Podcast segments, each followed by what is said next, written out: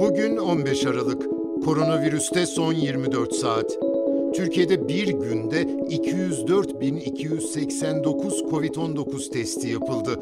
29.617 kişinin testi pozitif çıktı.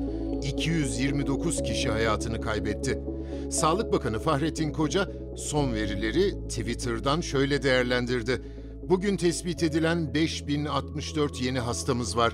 Ağır hasta sayısı 6000'e yaklaştı. Hastane yükümüz halen çok yüksek. Kalabalık ve kapalı ortamlardan uzak durarak sevdiklerimizi koruyalım. Kısıtlamaların etkisini yakında daha belirgin göreceğiz.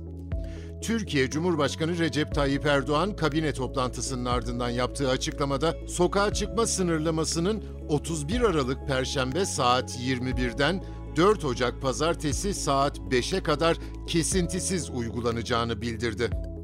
Covid-19'a yakalananların neler yaşadığını, hangi kaygı ve acıları çektiğini anlatarak tedbir konusunda dinleyenleri teşvik etmek istiyorum.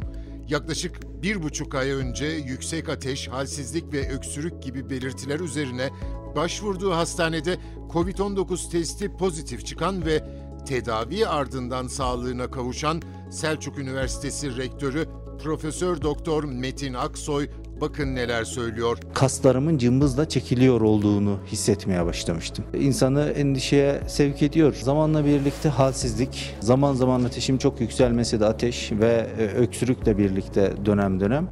Kocaeli'de Covid-19'u yenen Derince Eğitim ve Araştırma Hastanesi Başhekimi Doçent Doktor Hüseyin Şaşkın hayatında ilk kez böyle bir ağrı yaşadığını söyledi. Gerçekten bu farklı bir ağrıydı. Ee, Normal bir ağrı kesiciliği gerçek bir ağrı değildi. Ee, Ama tabii bu işin psikolojisi de farklı. Eğer e, pozitif olduğunuzu öğrendiğinizde de ister istemez acaba bundan sonrası nasıl seyredecek?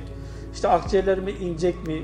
Zatürre olacak mıyım? İşte yoğun bakıma ihtiyacım olacak mı? Oksijene ihtiyacım olacak mı diye e, bir anksiyete, bir tedirginlik yaşıyorsun. Sopayla dövülmüş gibi hissediyorsun.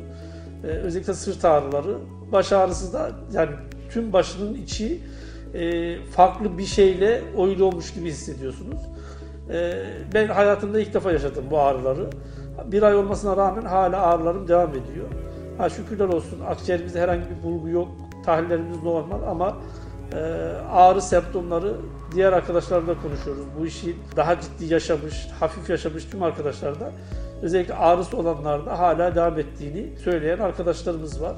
Dünyada bugüne dek Covid-19'a yakalananların sayısı 73 milyon 284 bin. Toplam can kaybı 1 milyon 630 bin. Bugünlük bu kadar. Hoşçakalın.